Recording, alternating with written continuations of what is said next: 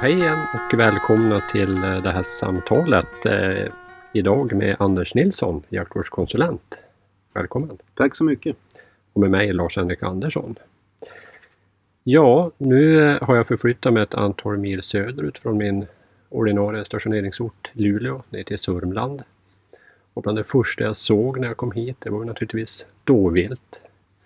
Och det tänkte jag skulle vara ämnet för dagen, prata om dåviltet. Och när man ser de här, det här dåviltet så, så jag tänker nästan på, på våra renansamlingar uppe i norr att det är väldigt stora flockar här nere med dåvilt. Kan du berätta lite grann bakgrunden? Alltså det, det har skett en ganska stor ökning de senaste åren men när, när, när introducerades dåviltet i, i landet? Det är, ju, det är ju flera hundra år sedan, det var ju 1500-1600-tal som, som först, i första hand kungen tog in dåvilt. Eh, och sen så har det ju flyttats runt till framförallt större herresäten och gårdar. Och, eh, men det är egentligen mer sentida som de har ökat. För att återkoppla till det du beskrev här med, med de stora flockarna så är ju det som är lite grann både dåviltets fördel i förvaltningen men också dilemmat att det kan bli väldigt höga tätheter lokalt. Men eh, medan bara några mil bort så kan det, kan det vara helt inte finnas en dov. Mm. Jag själv är bosatt en och, en halv mil från Östermalma där vi befinner oss nu och jag har aldrig sett en, en dov på de gärdena som jag har utanför mitt hus till exempel. Så att det är väldigt stora skillnader på korta avstånd.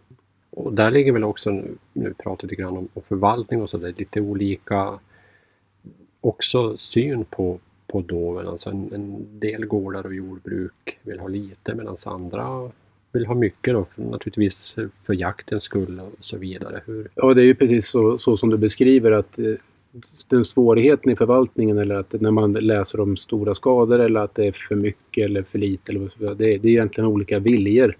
Det är inte, det är inte svårigheten att, att primärt att jaga dem och, som är, är det stora utan det är ju att, att olika markägare som i, i många fall gränsar till varandra då har helt olika viljor med, med sin förvaltning.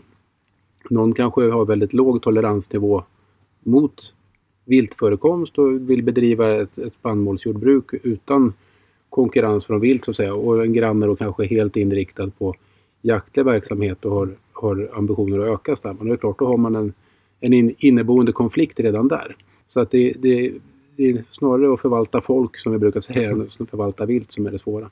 Och du nämnde också att nu finns det ett projekt här med förvaltningsplan för dovvilt i, i det här bältet, det Södermanland eller är det vidare? Ja, vi har ju tillsammans med Länsstyrelsen och LRF ska man säga, eh, en, ett projekt som heter Dovviltsprojektet, där Länsstyrelsen är huvudman. Och det syftar egentligen till att man inom ordinarie skötselområden för, dov, eller för kron och älg lyfter in dåviltet på frivillig väg. Och det utan då styrning från myndigheterna utan, eller oss. Utan det är en, en, vi ska försöka bistå med kunskap, lite forskning och eh, lite mallar för hur man kan jobba. Men det syftar egentligen till att man då ska få ett bättre grepp om hur ser det ut hos oss? Hur ser sammansättningen ut? Vad har vi för tätheter? Vad vill vi? Vill vi öka stammen? Vill vi minska stammen? Och vad behöver vi göra för att nå våra mål? Mm. Så att det är egentligen en, ett kunskapslyft kring doven och en mer målstyrd förvaltning på frivillig väg. Men om vi går in lite grann på, på jakten på dov. Det är ju det är också ett fantastiskt vilt att, att jaga. Det är ett fantastiskt matvilt. Absolut. Så vad, vad föredrar du själv för om du jagar dov? För slags jaktform? Och vilka finns det för jaktformer på dov? Ja, man, man, kan väl egentligen säga att det är eh, tre stora. Eh, det ena är ju liksom så här, om man bakar ihop smyg och vakjakt då. Pyrsch helt enkelt. Och sen så är det jakt med drivande hund. Fungerar alldeles utmärkt. Och sen så är det egentligen drevjakt då som kanske är den det man mest förknippar med, med dåviltet och de här höga tätheterna. Då man liksom, såtjakt med, med, kanske, med, med mer än en hund och, och sen så föreställa passkyttar kan man säga. Vad föredrar du själv? Det blir ju lite vad... Jag är ju eh, intresserad av hundjakt och liksom mycket...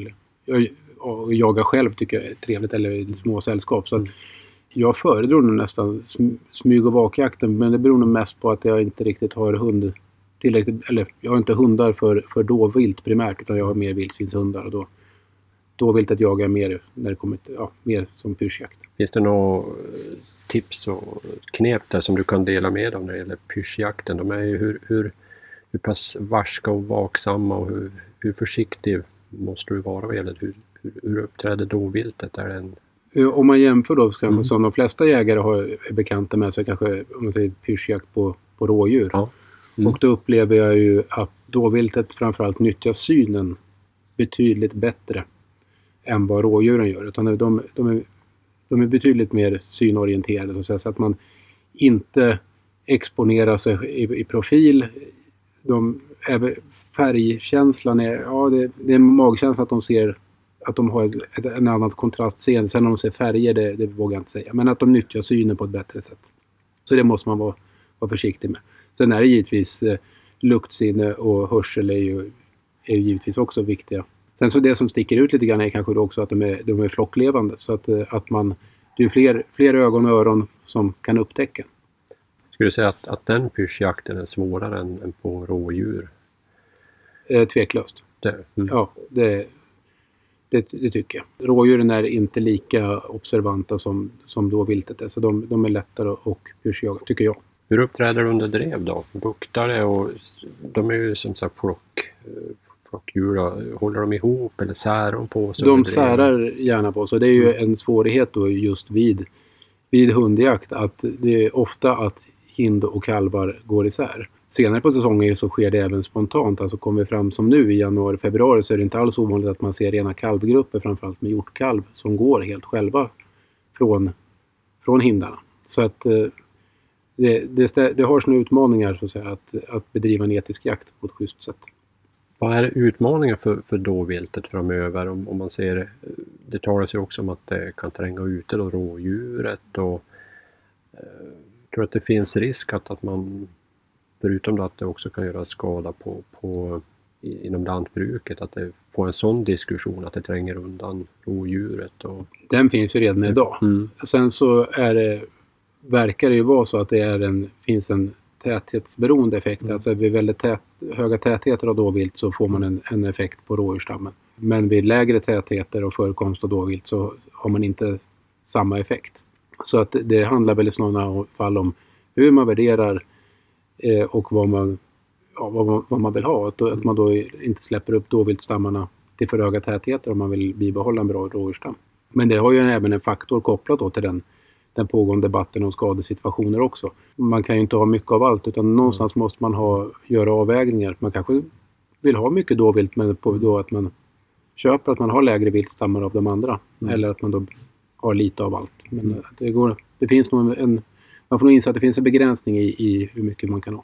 Och sen också, du, du nämnde tidigare att det är också en art som introducerades i Sverige då, visserligen då för ett antal hundra år sedan, men den är ju kanske inte riktigt anpassad till, till, till vårt klimat. Hur, hur, hur klarar den sig och kommer den att anpassa sig ännu mer vartefter? Eller hur?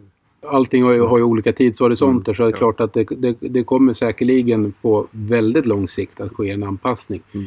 Men framförallt så är det ju handjuren som, som har problem. De som är ett par år gamla och äldre då, som aktivt deltar i brunsten på ett, och då gör av med alla sina fettreserver. Och brunsten ligger ju rätt Mm. sent. Den ligger alltså oktober-november. Så att de har ju svårt att hinna äta upp sig inför vintern. Så att utan stödutfodring så har man en väldigt hög dödlighet på vuxna handjur framförallt efter brunsten. Det påverkar ju framförallt oss jägare kanske som är intresserade av av att ha troféer och så vidare. Men eh, däremot så är min bedömning att tillväxthastigheten i dovstammen inte påverkas speciellt mycket eftersom hindar och kalvar är ju det som den motorn i det hela när det gäller antalet. Så man kommer få en skev könsfördelning och få äldre handjur om man inte hjälper dem på något vis. Hur ser prognoserna ut för spridningen vidare i landet?